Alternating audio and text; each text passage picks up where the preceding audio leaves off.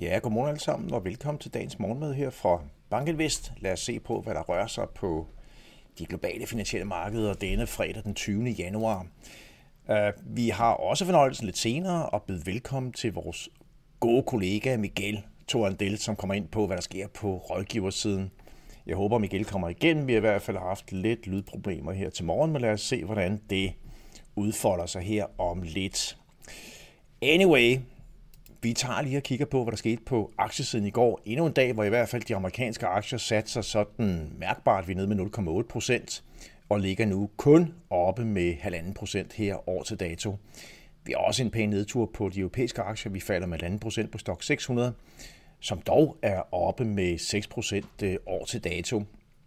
Men altså generelt så ser vi i hvert fald de vestlige markeder falde sådan synligt. Til gengæld så har vi altså igen en dag i Asien, hvor Kina, MSCI China-indekset slutter med at lukke med en, ja, en flad udvikling, og MSCI China-indekset er også op med næsten 12 procent på nuværende tidspunkt år til dato, som vi ser herude til højre på, øh, på siden her. Så øh, emerging markets generelt, og så med, med Kina i front, har altså lagt sig rigtig, rigtig pænt ud her fra, fra starten af året. Vi var altså fuld gang med regnskabssæsonen, og øh, her har jeg lige taget et overblik over, hvad der er sket på S&P 500 indtil videre når det gælder regnskabssæsonen for fjerde kvartal. Vi kan se, hvordan der er 51 selskaber, som har fremlagt regnskab på nuværende tidspunkt, så det er jo ikke så meget endda, men altså regnskabssæsonen er i fuld gang, og de kommende uger kommer til at se en masse selskaber komme med regnskaber. Og der er jo altså traditionen tro, fristes jeg næsten til at sige, grønne tal på øh, regnskabsforventningerne. Vi kan se, hvordan at øh, den såkaldte earnings surprise ligger med plus øh, 4% på ligger med plus 4% på, øh, på sådan overraskelsesgraden. Det vil altså sige, at øh, det var da pudsigt, som min grafer de bladrer frem og tilbage her. Men det vil altså sige, at øh, den faktiske indtjening har overrasket med cirka 4% positivt i forhold til det, der var øh, forventningerne. Så jeg ved ikke, om der er nogen, der er i gang med at blade, men jeg har i hvert fald en fornøjelse på skærmen her i øjeblikket, hvor det kører frem og tilbage. Øh, uh, Miguel, hvis det er dig, der blæder, så, så vent lige med at, at tage fart. Anyway. Nej, okay. Herligt at have dig igennem i hvert fald på lyden. Så vi glæder os til at se dig lige om et par minutter. Men jeg er i hvert fald på side 5 på nuværende tidspunkt, og apropos det her med indtjeningsforventningerne, så er der øh, virkelig pres i nedadgående retning. Altså en ting er jo, at de her fire, fire kvartals regnskaber kommer ud en spids bedre end det, der var forventet fra analytikernes side. Men signalerne generelt fra selskaberne er ikke specielt øh, prangende og positive. Og vi kan altså se, hvordan at øh, indtjeningsforventningerne, analytikernes prognoser for den fremadrettede indtjening i selskaberne generelt er under pres. Her til venstre på side 5, der ser vi for eksempel, hvordan at indtjeningsforventningerne for 2023 på S&P 500 selskaberne nu er nede på 224 dollars. Og det har altså været en gradvis proces, da vi lå på toppen hen over sommeren 2022. Der var forventningen, at selskaberne ville tjene 249 dollar per, per aktie. Og det er jo altså et fald på, på 10 procent, og det er gået rigtig stærkt her fra årsskiftet, hvor mange har benyttet anledning til at justere ned på prognoserne. Og vi har jo set en tilsvarende udvikling for 2024. Vi har selv i en længere periode haft en, en forventning om, at øh, 23 EPS skulle ned i intervallet et eller andet sted mellem 200 og 220 øh, dollar. Og øh, vi kan sagtens forestille, sig, forestille os, at vi kommer ned omkring 210 dollar. Øh, og hvis det, hvis det sker, så, så vil det jo altså repræsentere et ganske, ganske mærkbart fald fra, fra toppen tidligere i 22. Men vi har også tro på, at 24 vil tegne sig væsentligt bedre end 2023. Vi har et klart billede af, at vi kommer til at se konjunkturopgang øh, forhåbentligvis øh, sent i, øh, i 23, måske allerede sådan gradvis i løbet af andet halvår 2023, og klart mere synligt ind i 24, og det bør altså også manifestere sig i klart bedre indtjeningsperspektiver for selskaberne i bred forstand i 24 relativt til 2023.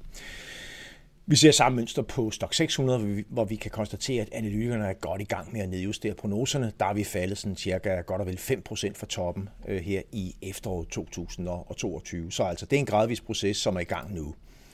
På rentesiden i går, øh, i forgårs havde vi jo det her signifikante rentefald. 10-årige rente i USA var nede med 18 basispunkter i løbet af den amerikanske dag i forgårs, men stiger så øh, netto to basispunkter i går og slutter på 3,39 procent og ligger altså stadigvæk rigtig pænt under den top, som vi satte i midten af oktober måned sidste år.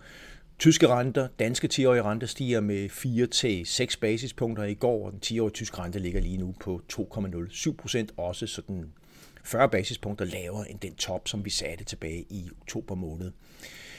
Forventningerne til centralbankerne, øh, vi nærmer os jo altså nogle rigtig spændende møder her. Vi har møde i Fed, den øh, udmelding fra Fed den 1. februar, og det, der ligger priset ind i markedet lige nu, det er en renteforholdelse på en kvart procent. Det var altså kommet ned fra hvor den øh, frygt, der har været tidligere, om man vil, på en renteforholdelse på, på mere øh, formodentlig en, en halv procent. Men nu ligger der priset cirka 25 basispunkter ind i, i rentekurven.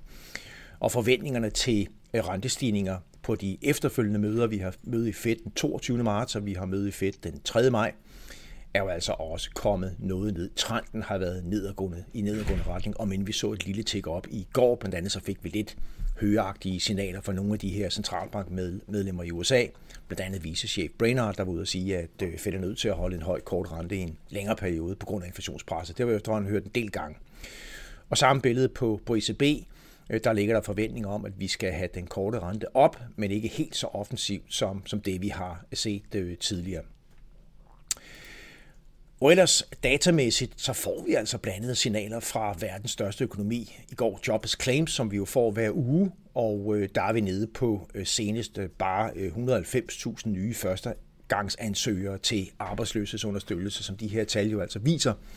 Så, og det er et udtryk for, at, at arbejdsmarkedet i, i bred forstand generelt set stadigvæk står ganske, ganske stærkt i, i USA. Og det er selvfølgelig noget, der fitter ind i Feds overvejelser med hensyn til, til rente, rentepolitikken. Hvad sker der på løninflationen?